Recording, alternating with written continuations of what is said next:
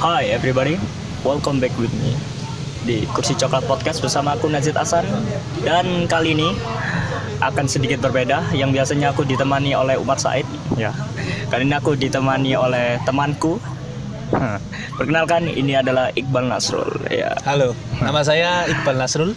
ya boleh diperkenalkan Eh, gimana Saya nama saya Muhammad Iqbal Nasrul Ilahi. Iya Eh, lahir 1 Mei 2002. Eh, ambil iku yo. ya, nggak apa-apa. Itu itu saya salah satu temannya Nazid di sekolah iya di Malang. Jadi kali ini aku nggak di sidoarjo, jadi eh, makanya teman podcast berbicara tuh sekarang berbeda. Sekarang aku bersama Iqbal Nasrul, dia salah satu temanku di eh, sekolah. Aku mengundang Iqbal Nasrul untuk buat podcast bareng ini bukan tanpa alasan sih. Pasti ada alasan tersendiri kenapa aku mengundang dia. Alasan. ya, eh, Iqbal Nasrul ini dipanggil Iqbal aja ya. Jangan Oke, Iqbal. Nasrul. Iqbal lah, Terlalu- santai. itu, Terlalu formal, panjang. ya.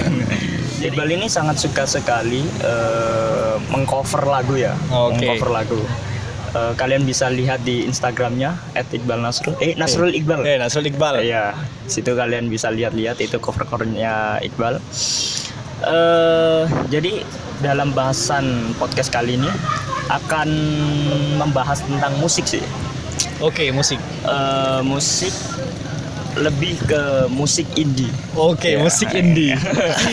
ya, ya kan orang anak-anak biasa sekarang kan kalau ngomong identik kopi, senja, lagu folk, anak indie. Wah. Ya apalagi eh, Romansanya. perkembangan musik indie sekarang kan itu sudah berkembang sekali sekarang. Wah, kembang sekali lah sekarang itu. Malah karena karena pengagumnya itu udah banyak sekali sekarang dan juga nggak terbatas umur, Iya. juga nggak apa nggak terbatas genre, semuanya bisa mendengarkan. Cuman yang agak nah ini mungkin Mas Nazid bisa tanya ini. Iya. Ada beberapa hal yang perlu dibahas lah tentang Oke. musik indie ini.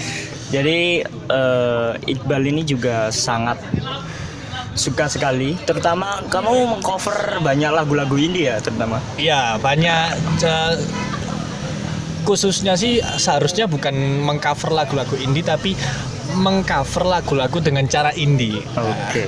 Itu nanti bisa dijelaskan. Oke oke oke. Tadi kan kamu sempat ngomongin tentang genre ya. Nah eh, mungkin aku dulu pas mengenali musik indie itu, aku kira itu sebuah genre. Karena musik indie itu selalu identik dengan akustik. Hmm, ya, Ya, ya, ya, itu. ya, ya. Tapi eh, mungkin bisa dijelaskan itu, gimana musik indie yang sebenarnya itu gimana sih? Apa ya? te- kalau musik indie itu sendiri, kita kita mulai dari kata indie itu sendiri ya. Indie itu sendiri itu berasal dari kata independent.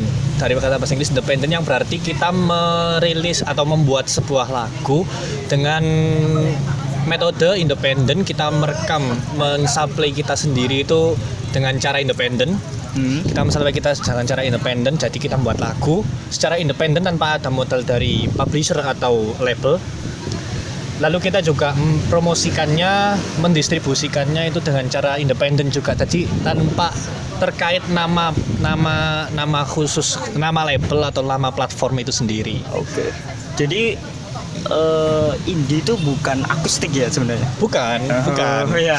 Indie itu bukan bukan bukan genre. Ya, banyak yang salah paham sekarang itu di situ. Indie itu selalu akustik, genre genre yang melo, genre yang identik dengan romansa-romansa di kala senja dan kopi. Wah, itu salah kaprah itu.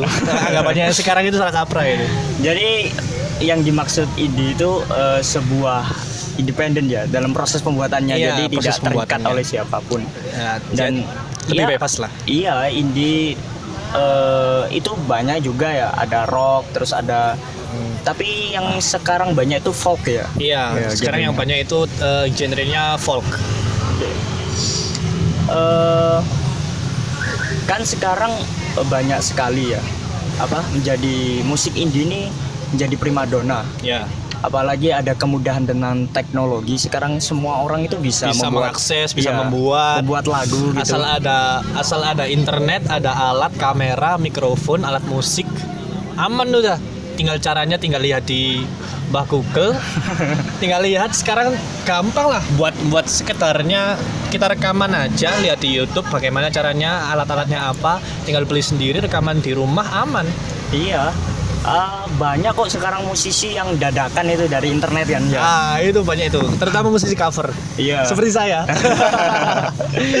apa ini awal awal mula dari karirmu juga? amin lah moga moga bro moga moga bro Oke.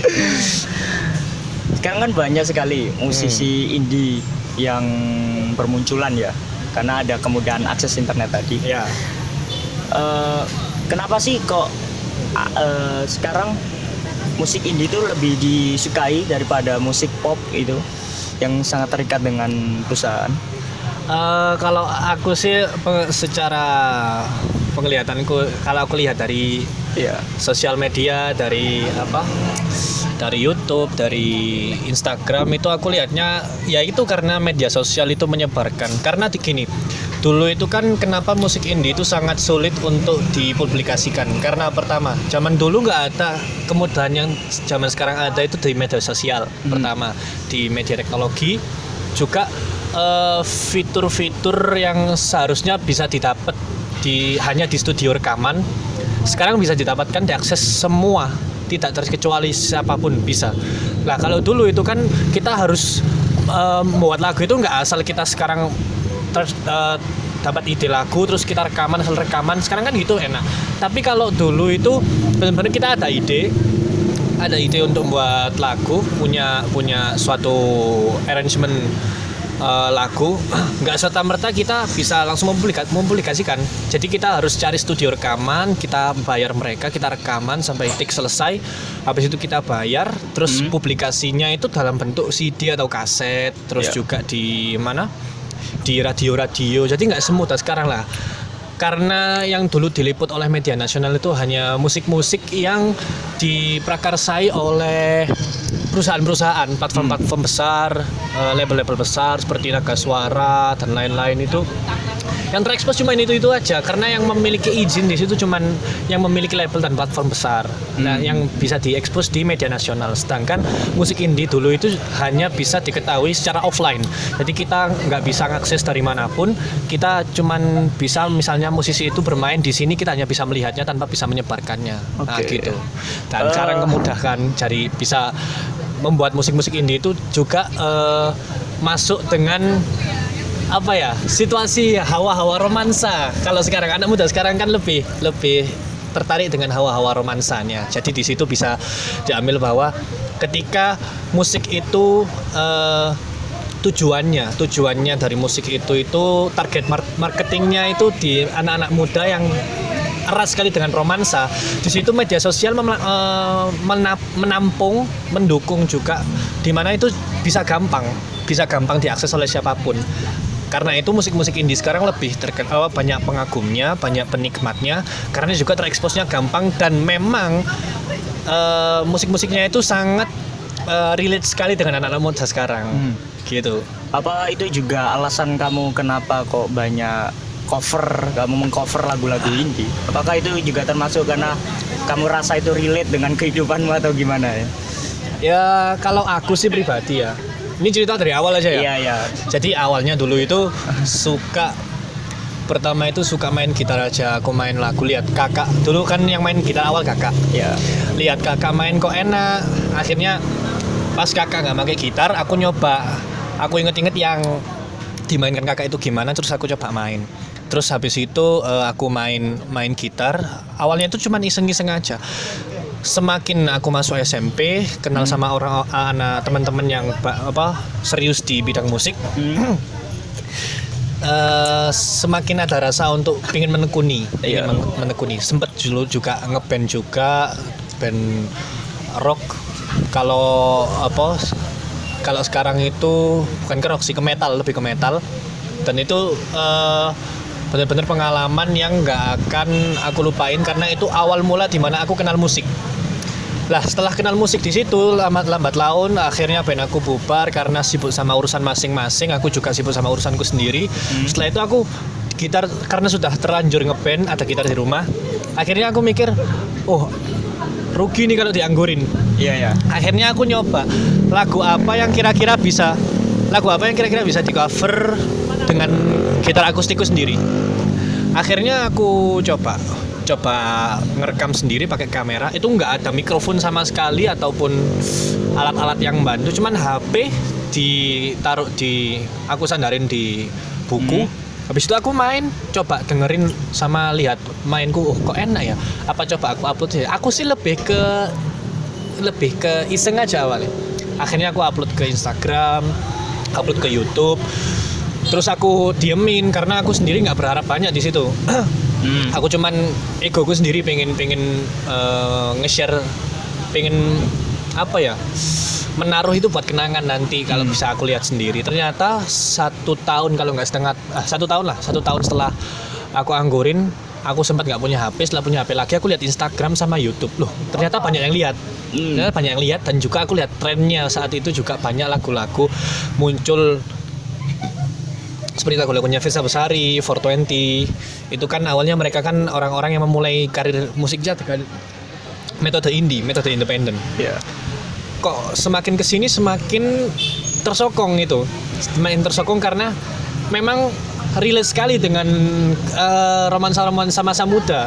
Karena kan peminat dari media sosial itu sendiri kan memang banyak anak mudanya. Hmm. dan di situ akhirnya aku nyoba nyoba lagi nyoba untuk buat lagi tapi kalau untuk alasanku pribadi itu nggak ke karena itu relate ke itu kehidupanku atau gimana cuman itu lebih ke aku egoku sendiri. Aku pengen membuat satu meskipun itu cover meskipun itu aku mengcover lagu orang setidaknya aku ingin mengenang diriku sendiri di Instagram. Hmm. jadi lebih ke situ sih. Kalau aku mikirnya untuk itu relate ke kehidupanku atau relate ke kehidupan teman-temanku itu aku nggak mikir ke situ karena lebih ke egoku sendiri. Aku ingin mengenang apa yang pernah aku lakukan biar bisa aku lihat lagi di masa depan. Dan ternyata banyak yang suka. Akhirnya aku banyak yang request juga aku buat lagi yang banyak. Ternyata seperti itu. Oh, jadi eh, kamu ini kayak suka karena itu ya, karena hobimu. ya karena hobi Oke. Tadi kan kamu sempat mengatakan kayak relate-relate itu liriknya ya, relate ya liriknya liriknya dan Ah. juga musiknya itu apa ya melo melonya itu mendukung gitu Hmm. Selain kayak liriknya, mungkin ciri khas dari musik indie itu apa aja ya? ciri khas Iya. ciri khas itu lebih ke apa ya kalau aku mengambilnya sih ya kalau aku mengambilnya itu musik indie itu ciri khasnya itu lebih bebas Oke. karena gini coba kamu lihat ya ini bukan ini bukan sekali lagi aku nggak bermaksud sara atau gimana ya ini Iya. cuman gini kita sebagai musisi itu punya pandangan sendiri terhadap musik-musik yang kita buat Hmm. setelah ke terpublish ke ke media sosial ke halayak sosial di, di dunia maya itu malah orang banyak mengartikannya berbeda misalnya seperti ini band yang sudah terkenal lah Peter Pan apakah ada lagu-lagunya yang berisi kritik sosial nggak ada kan Iya. karena Peter Pan itu sendiri sudah ikut label besar. Di mana kalau sudah ikut label atau platform besar di situ, terdapat undang-undang yang mengekang mereka, di mana mereka tidak bisa mengeluarkan eh, kritik sosial di eh, di karya musik mereka. Sedangkan kalau di musik ini, ini lebih bebas. Kalian mau kritik sosial, kalian mau sara, kalian mau apa pun, itu bebas karena dia tidak terikat oleh apa pun. Iya. Tidak terikat undang-undang, dia tidak terikat platform. Di mana kalau di platform itu kan otomatis dia punya otoritas untuk menyebarkan ke halayak ramai Iya.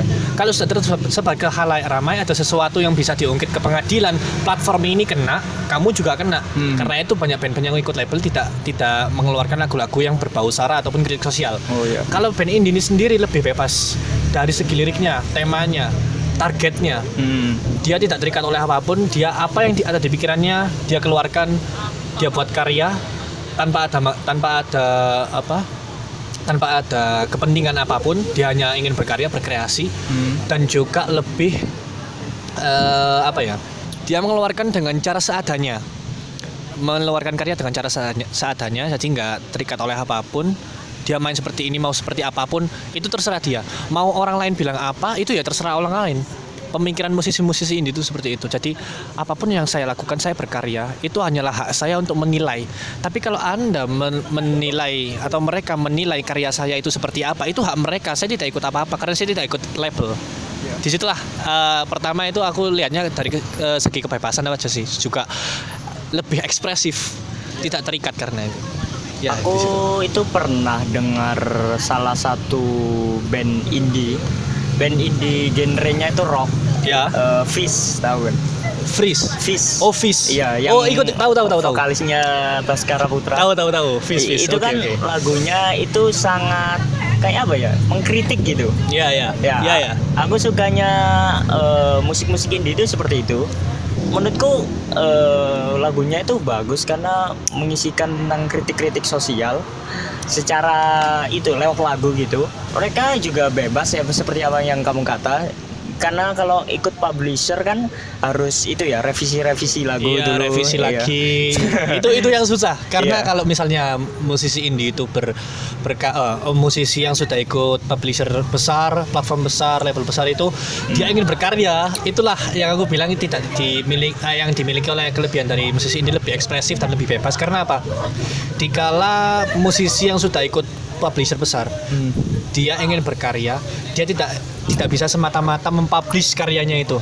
Dia harus punya persetujuan dari label yang dia ikuti atau publisher yang dia ikuti. Iya. Di mana di publisher itu sendiri ada editor, ada produser.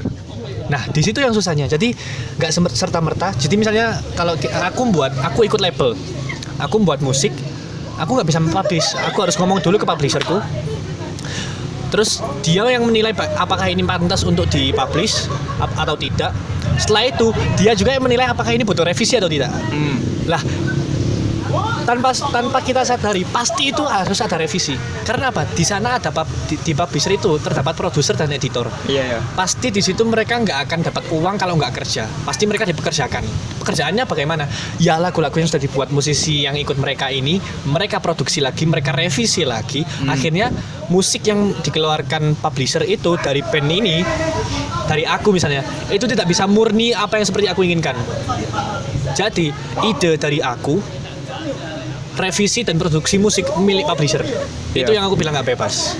Eh, kayak sensor gitu ya Iya, iya sebelum sebelum ada publik itu harus ada sensornya Iya itu harus ada sensornya. Jadi, kayak ada filter. Iya, nggak murni gitu Iya, ya nggak dari murni, sini. iya. Kalau mungkin dari film itu kayak KPAI gitu. Nah itu ya ya ya. bener bener bener bener. Kok KPAI? Itu tuh KPAI. Kudu. Bukan bukan bukan KPAI. Bukan kalau nggak KPAI kan perempuan. Komisi Perlindungan Anak. Anu apa? KPI ya? Ya KPI kok KPAI. Iya ya oke oke. kok mikirnya KPAI. KPI KPI. Ya, jadi kalau di dunia kayak TV, film kan harus lewat KPI kan, harus Iya. ada sensor-sensornya begitu. Terus itu tadi kan ngomongin tentang teknisnya. Ya. Iya. Mungkin kamu bisa ada rekomendasi musik atau eh, apa seniman mu- musik indie juga kamu rekomendasi siapa saja Eh, mungkin apa aja ya. Mungkin dari gini, kan selera orang berbeda-beda ya. Iya. Kalau ini menurut selera aku loh ya. Iya. Kalau ini menurut selera aku, kalau aku suka band-band atau musisi-musisi yang benar-benar mereka itu tidak tidak apa ya? Ya tadi tidak terikat. Aku aku karena aku suka musik, aku lihat dulu latar belakangnya, latar belakang musiknya, produksi musiknya, latar belakang orangnya Hmm. yang aku misalnya kalau kamu minta aku rekomendasi agak agak banyak kritik sosialnya agak kritik sarannya kayak Jason Ranti, Iksan Scooter, terus Fajar Merah Hmm. mereka banyak mengeluarkan karya-karya yang mengandung kritik sosial yang sangat wah sarah sekali kalau dipublikasikan. Hmm. dan penikmatnya pun mereka itu tidak terikat. Gimana itu? Musisi, maksudnya maksudnya? Kayak Jadi, penikmat gak terikat penikmatnya gitu? nggak terikat juga. Kamu bedakan. Kamu lihat konsernya Iwan Fals. Iya. kamu lihat konsernya Iwan Fals sama lihat konsernya Iksan Scooter sama Jason Ranti. Namanya penonton dengan musisi itu ada jarak. Mereka nggak ada jarak jadi mau penonton mau ikut naik ke atas panggung untuk mena untuk berjoget bareng untuk meskipun ada nanti ada penonton yang ingin main bareng ngejam bareng di atas panggung mereka nggak keberatan ayo sini jadi eh, penonton juga tidak terikat oleh aturan dari panggung Hmm. dari musisi itu juga karena mereka sama-sama bebas. Aku pernah ingat salah satu salah satu konsernya mereka itu ngomong gini. Ya ini kita santai-santai aja ya. Pas Jason Randy collab sama Action Scooter ini santai-santai aja ya. Nah, kan Jason Randy ngomong gini, oh iya santai, telanjang juga nggak apa-apa gitu. ayo. itu kan menunjukkan bukan jangan diambil unsur negatifnya ya, diambil dari sisi ininya. Mereka lebih bebas Mhm. mau kalian seperti apa pun nikmati dengan cara kalian itu menunjukkan bahwa dia tidak terikat dari si musisi ataupun dari si penikmat musik dari musisi ini mereka tidak terikat apa pun mereka mau duduk mau berdiri mau telanjang mau lari-lari mau loncat-loncat terserah mereka. Hmm. dan sama-sama harmonis nggak ada kayak wah penjaganya terus habis itu woi kamu kamu di sini jangan kisru ya di sini. Enggak Mhm. kalau ada beberapa kayak misalnya provokator kalau kita lihat acara resmi di situ akan diambil tarik polisi tarik keamanan. Sedangkan kalau mereka enggak ada yang kisru ayo sini naik ke atas panggung.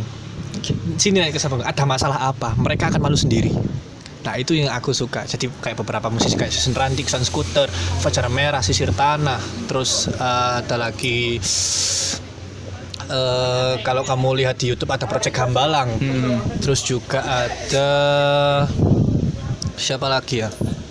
Ya itu sih kalau reko- rekomendasi kalau aku. Kalau aku juga biasanya dengerin itu dialog dini hari, terus hmm, Aditya Sofyan, Hmm. terus siapa lagi ya? Aditya Sofyan, dialog dini hari, siapa lagi ya? Ya itu itu aja sih. Oke, jadi itu tadi rekomendasi itu gimana ya? Mungkin dari kalian yang masih menikmati musik indie yang seperti 420 dan Ah. Firsa Besari mungkin bisa menjadi playlist lagi. Ya, bisa bisa menjadi playlist itu rekomendasi Iya, aja. rekomendasi Tadi dari pendapatku. Iqbal Asr. Itu saja perbincangan kali ini. Terima Siap. kasih. Oke, sama-sama Semoga- bro. Saya juga senang diajakin. Semoga sukses jadi musisi indie. Amin. Amin. Dan kalian jangan lupa juga eh, menonton cover lagu Oke, dari Iqbal Nasrul. eh, nanti ada apa linknya di deskripsi atau di pojok kanan atas gitu. Oke, Siap. Oke, aku Nazit Hasan dan Iqbal Nasrul pamit undur diri. Sampai jumpa di kasih, Bro. episode berikutnya. Dadah.